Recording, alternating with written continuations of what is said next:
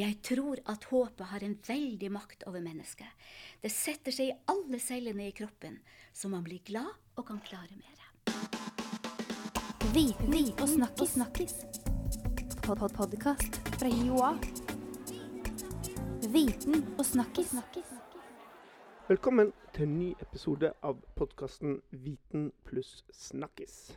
Dette er podkasten som tar deg fra mørket til lyset.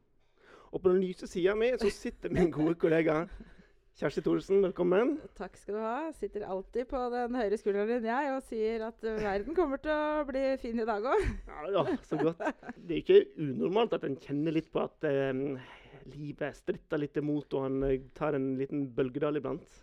Nei, det er, øh, det er vel heller det normale, ja. Ja. Uh, og eh, som eh, alle, vi er jo eh, deltakere i verdenssamfunnet, og nå så ser det jo ikke akkurat helt lyst ut eh, det, da. Og det kan gjøre at man kan bli litt usikker fra tid til annen. vi Det er liksom én ting. Og så har jo alle alle sitt og strir med i hverdagen. Alle har jo et liv med vanlige hverdagsutfordringer. Og, så det er klart at det, det går opp og ned. Og det er jo det som er dagens tema. Det er, temaet er rett og slett håp og livsmestring. To gigastore ord, men vi skal se om vi kan komme litt nærmere på det. Og da har vi med oss eh, Marit Akerø, førsteamanuensis på estetiske fag. Velkommen, Marit. Takk skal du ha. Du jobber altså da med disse store ordene håp og livsmestring. Og Da lurte jeg på først, Hvorfor i alle dager kom du inn på dette temaet her og ville engasjere deg og jobbe med dette her? Det starta egentlig med håpet. Og jeg tror jeg må få lov å fortelle en historie som er litt langt tilbake i tida. Det er en fantastisk historie om en femåring. Det var sønnen vår. Han eh, gikk i barnehage da, og en dag så var barnehagen ute på tur. Eh, mens de er ute, så ser de at svarte tordenskyer begynner liksom å trekke over himmelen, og man skjønner at nå må vi komme oss i hus. De eh, eh, går fort mot barnehagen, og idet de er like ved, så braker uværet løs. Og ungene styrter mot avdelingene sine, som ligger spredt rundt en åpen plass, en stor åpen plass. Kristian, som sønnen vår heter, han løper fremst i flokken. Og han løper alt det forteste han kan, rett over den store plassen og inn på sin egen avdeling som ligger lengst borte. Der snur han seg og roper 'førstemann i mål', og oppdager at han er helt alene. For de andre har søkt ly i nærmeste bygg. Han har én eneste tanke i hodet, og det er å komme dit de andre er. Så han løper ut i uværet. Det braker løs med lyn og torden, med hagl og regn. Og han søker ly. Han gjemmer seg under en platting som ligger midt på den åpne plassen. Der blir han liggende, fem år gammel, mutters alene. Og jeg spurte han om kvelden. Var du ikke fryktelig redd? Jo, sier han med skjelvende stemme. Jeg var fryktelig redd, men så lekte jeg at jeg var Supermann som, som var på parti med de gode kreftene og sloss mot de onde, og da måtte det gå bra, sier han. Og den episoden gjorde sånn inntrykk på meg. Og jeg hadde begynt å jobbe litt med håp da, men ikke mye. Men da kom den store gnista. Fordi at det femåringen er inne på her, det er eh, på å si på en måte essensen i håp. Håp er så mye, og det er så mange definisjoner. Men vi har en amerikansk eh, psykiater som sier at håp i sin enkleste form er essence of the possible. Altså en fornemmelse av mulighet. Selv om jeg er her eh, og har det helt forferdelig nå, så kanskje et glimt av håp. Og det er også en håpsforsker som heter Kay Høth. Hun sier det på en litt annen måte, men hun sier at eh, hun sier at um, eh, håp handler om å se ut over den fortvilte situasjonen du er i, og øynene er better tomorrow, a brighter tomorrow. Og det er akkurat det som er en sånn enkel, grunnleggende forståelse av håp. Og da skal vi snakke om eh, håp altså ut ifra barn og unge mye, da, for det er jo det du jobber med Ja. med lærerutdanninga her på Ja. Ja. Uh, men eh, jeg tenker sånn, for å kunne ha muligheten til å se det lyset, da, Ja. og det glimtet, så må du på en måte ha uh, erfaring med at det, det kommer til å gå over også. Og det tenker jeg, for det vet jo vi voksne, at selv om vi strever i hverdagen, så vet vi at vi har såpass lang erfaring at vi skjønner at ja, det kommer til å gå over. Det, det blir bedre, ikke sant. Men det er jo kanskje noe som barn og, Og ja. Og det er det som er så viktig, at eh, barn og unge, også unge, har ikke den erfaringa. Og derfor blir fortvilelsen så bunnløs. Og det kan også gjøre dumme handlinger. Komme til å gjøre dumme handlinger. Og, og eh, jeg ble jo opptatt som pedagog. Kan vi lære barn denne brighter tomorrow thinking? Denne better tomorrow thinking? Og um, jeg ble opptatt av en filosof, tysk håpsfilosof som heter Ernst Bloch. Og han snakker om å lære håp. For han sier at håp er ikke bare en følelse, men det er en måte å tenke på og en måte å handle på. Eh, man tenker i forhold til et mål, og man handler i forhold til et mål. Og eh, det er der jeg føler at foreldre og skole kan gå inn og gjøre noe. Lære barn en, denne måten å tenke på utover situasjonen og se fremover. Fantasere, rett og slett. Ja, for, for hvordan, Hva slags verktøy kan du Er det noe, liksom, noe helt konkrete verktøy man kan lære seg? Altså I tysk pedagogikk så, så opererer man veldig mye med fantasireiser på den måten. Man tenker, også, også hvis et barn er, opp, er, ute i en spesiell, oppe i en spesiell situasjon, så kan man veilede barn til å se for seg hvordan kunne det vært annerledes. Hvordan kan det være om en uke, om en måned? Eh, det er én ting. Uh, nå har vi jo jobba med dette i faglærerutdanninga da også. Da bruker vi andre redskaper også. Har du eksempel på det? Ja, det har jeg. Eh, vi har jo et prosjekt som heter 'Making Hope Happen in the Classroom'. Om håp og livsmestring i, eh, i, som pedagogisk utfordring. Og da har målet vært for det første å gi studentene en slags forståelse av håpets betydning for livsmestring hos barn. Men vi har også jobba med håp som motivasjonsfaktor i læringssammenheng. Og vi har prøvd å lære håpsstrategier, som vi kaller det, for særlig å arbeide med elever som har gitt opp og ikke får det til faglig. Fordi at håp er ikke bare, dreier seg ikke bare om disse store eksistensielle spørsmålene, men det handler også om det helt konkrete. Altså, livsmestring handler også om skolefag. Og da har vi jobba ut fra en amerikansk psykolog som heter Charles Richard Snyder. Han snakker om at i forhold til det målet håpet retter seg mot, så det er viktig med det han kaller for willpower og waypower.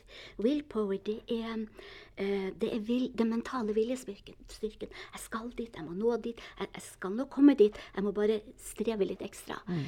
way, waypower, det er planlegging av hvordan kan jeg komme dit. Ja, for jeg tenker at det, det Altså livsmestring, da, det barn og unge må lære, sånn som jeg ser det for meg, er jo det at det Altså, verden og livet er vanskelig. Du kommer Ja. til å få noen i fleisen gjennom hele livet. Sånn er det bare. Og det er liksom Altså, vi snakker mye om de foreldrene som syr puter under uh, arma på barna og liksom bare skåner dem for at livet er vanskelig og alt er tøft. Men er det liksom det som skal til? Å vise barna helt fra ung alder at det, det er eh, hardt og brutalt der ute. Det er vanskelig, selv om Ikke sant? At man må bare lære seg å deal with it. Ikke mer hardt og brutalt enn de tåler for, for, for alderen. Men ja, de må realitetskonfronteres. Mm. Og, og det gjør de jo i sin egen hverdag med venner. De gjør jo det hele tida. Og da er det jo viktig å støtte. Eh, Og jeg tenker også på dette med Altså, vi, vi har jo en del ungdatarapporter og forskning nå som viser at eh, barn og unge sliter med livet sitt. Og de opplever et veldig press. Eh, og en press mot per perfeksjon. Og livet er jo ikke sånn. Vi er jo ikke perfekte. Og, og, og man skal være så uhyre vellykka. Eh, både sosialt når det gjelder venner, likes ikke sant, på, på Facebook, og, og, og, og sånn som det gjelder skolefag og studiefag. Og jeg opplever jo dette med studentene mine også, at å få en B eh, kan gjøre en student dypt ulykkelig fordi man forventer en A. En C kan være en katastrofe. Og da, da Altså, det, det, det Og jeg får en sånn fornemmelse, en sånn ekkel fornemmelse av at det er ikke nok å være perfekt, men du skal ha det lille ekstra på toppen også. Men det er jo noe man møter seg eh, Vi er jo foreldre alle sammen her. Og det er noe man møter som foreldre. For vi vet jo hva som på en måte er det fornuftige. Vi vet at verden er ikke perfekt. Du trenger ikke å være Ja, perfekt. Det er bra nok å være sånn som man er, osv. osv. Men samtidig så blir man fanget litt i den samme Ja, greia sjøl, som voksen. Ja. Jeg bare kjenner jo Ja. sjøl at jeg går rundt og jeg har jo lyst til å? Til, levere på alle mulige. Ikke sant? Og så, og så tenker jeg, men hvordan er jeg da et godt forbilde? Hvordan kan jeg lære deg ungen at det er, du er helt grei, Du trenger ikke å være perfekt. Når jeg sjøl på en eller annen måte ikke klarer å holde meg helt unna det sjøl. Jeg tror vi må begynne med oss selv. Ja. Og jeg, jeg tenker på noen sånne episoder fra oppveksten min hvor gutter lekeslåss ute, og en blir liggende underst. Og så roper han 'nåde, nåde'. ikke sant? Nåde betyr vis barmhjertighet. Og av og til må vi vise barmhjertighet mot oss selv. Som voksne for å være forbilder for barn. Vi er ikke perfekte. Og jeg tenker på en eh, en um, engelsk psykoanalytiker. Han heter Donald og ikke Trump. Han heter Winnicott. Han heter Winnicott, og han snakker om 'the good enough mother'. 'The good enough teacher'. Og dette 'good enough' det betyr ikke at vi skal stå stille og ikke utvikle oss videre, men det betyr at vi skal ha et hvilepunkt inni oss selv hvor det heter 'good enough'. Det tror jeg er veldig viktig. Men, men du, jeg, jeg må spørre. For nå snakker du om at dette, dette må inn i skolen og lærerne.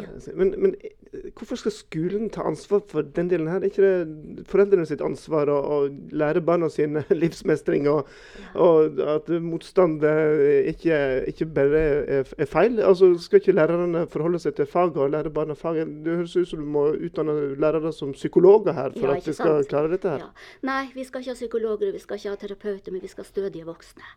Eh, men skal skolen ta ansvar for dette? Altså, det er et foreldreansvar. Men allerede i 1998 så sier opplæringsloven i formålsparagrafen for skolen, både for grunnskole og videregående opplæring, at skolen skal lære, eh, gi kunnskap og ferdighet og holdninger, slik at de unge mestrer livene sine. Det står i opplæringsloven. Og så kan du lure på liksom, hvordan skal en lærer kunne klare dette? Nå har det nettopp 23. januar kom det ut en rapport som heter 'Livsmestring i skolen'. Og eh, Den bygger på dette at regjeringa nå har sagt at livsmestring skal være et flerfaglig tema. Og den rapporten viser hvordan livsmestring kan gå inn i de ulike fagene. Og da dreier det seg om helt konkrete ting. F.eks. kroppsøving. Kroppspress tar opp kroppspress. I norsk kan man snakke om hva sto det? Ikke-voldelige kommunikasjoner av empatisk kommunikasjon. I samfunnsfag skal man snakke om atferd på nettet, og om egne rettigheter. Vi skal snakke om seksuelle overgrep og rettigheter, og, og, og hvor kan man få hjelp? Utvikle eh, handlingskompetanse hos barn og unge. Og så har vi dette med psykisk helse. Det har vært vanskelig å plassere. Eh, man tenker det enten som eget tema, eller at det kan gå inn i mat og helse.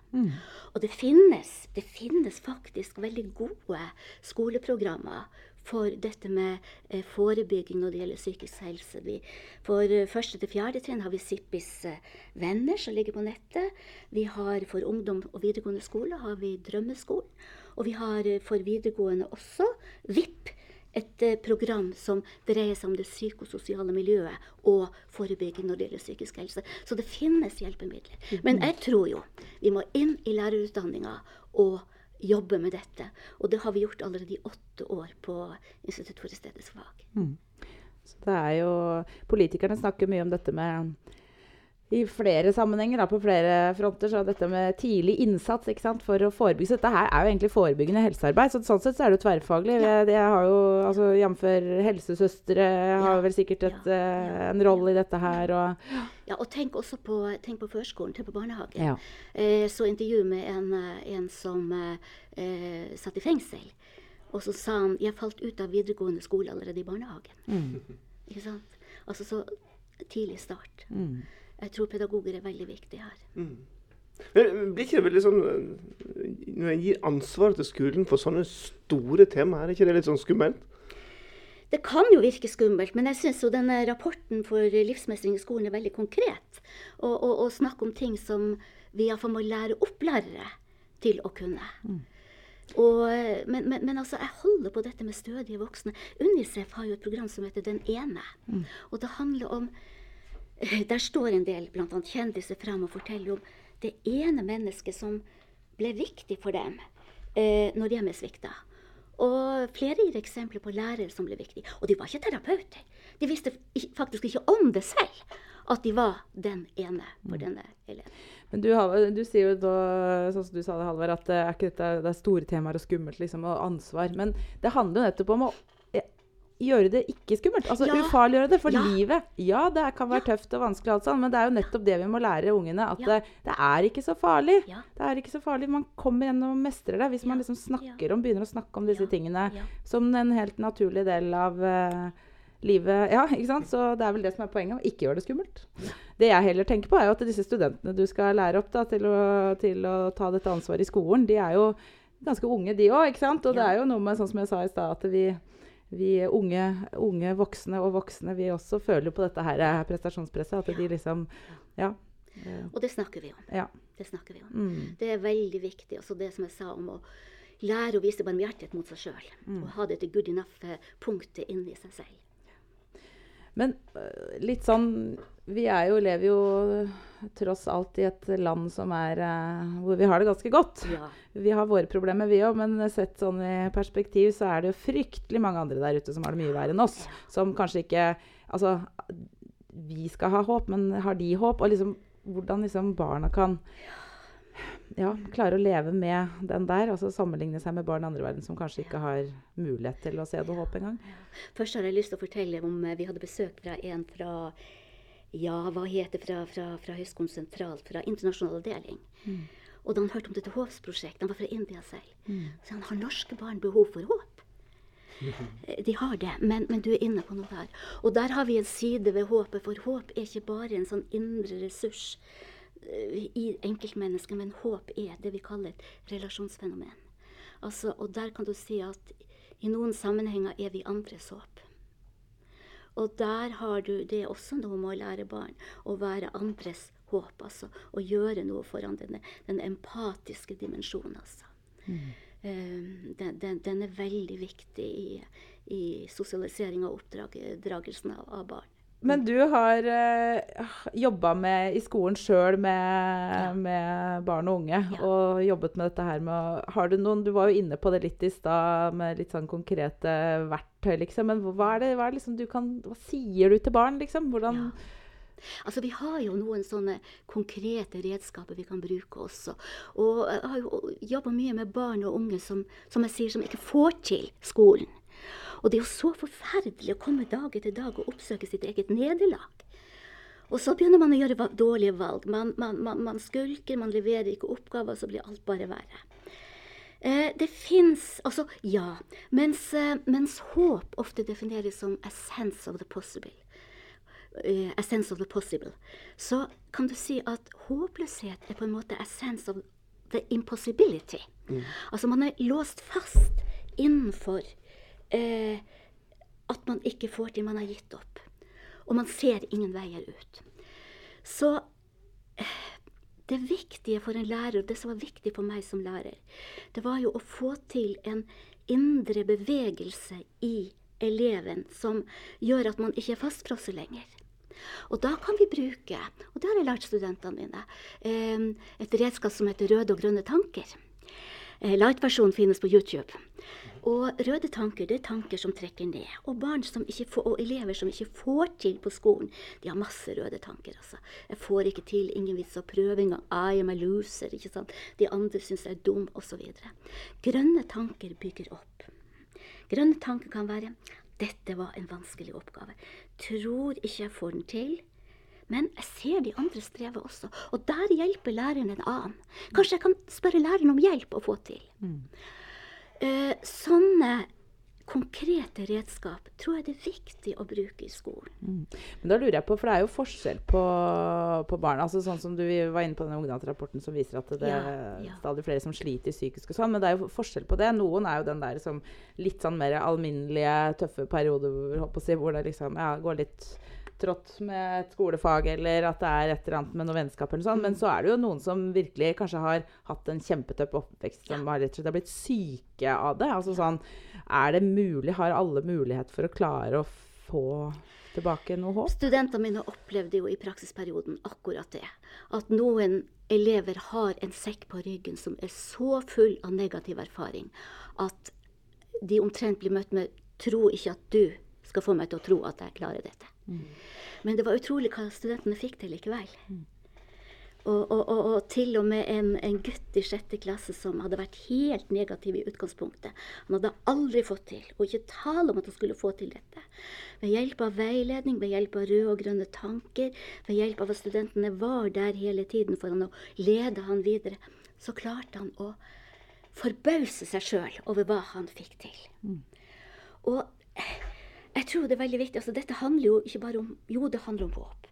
Men det, det handler om vanlig god pedagogikk. Å begynne innenfor Altså når det gjelder det faglige håpet. Å begynne innenfor student, eh, unnskyld, elevens mestringsområde. Og så bit for bit for bit prøve å strekke eleven utenfor det. Men da må man være der som lærer.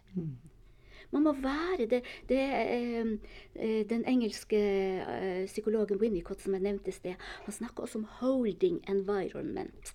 Altså eh, omgivelser som holder. Læreren må være der som en sånn 'holding environment', som ikke slipper eleven. Da er jeg litt sånn nysgjerrig når du sier det. Ja, om hvordan føler du at skolesystemet er altså sånn med antall lærertetthet og alt det er rigga for at dette her skal fungere, da, sånn som dere ønsker? Ja. Nei, én ting er idealene, en annen ting er praksis. Sånn vil det alltid være. Men dette er et mål som vi likevel må strekke oss mot. Vi kan ikke legge det bort fordi at hverdagen vår er så, så tøff at, at, vi, at vi tenker at dette går ikke an. Men Marit, eh, Kjersti og jeg, vi er jo begge foreldre her. K- Hvordan kan vi ta dette her med hjem igjen eh, i, i foreldrerollen? Og, og bruke det med, med egne barn? Skal vi begynne å kategorisere språkbruken, språkbruken med røde og grønne tanker for egne barn òg? Jeg vet flere foreldre som bruker det. Og det er et eh, redskap som, som unger syns er litt artig. De, de får noe konkret.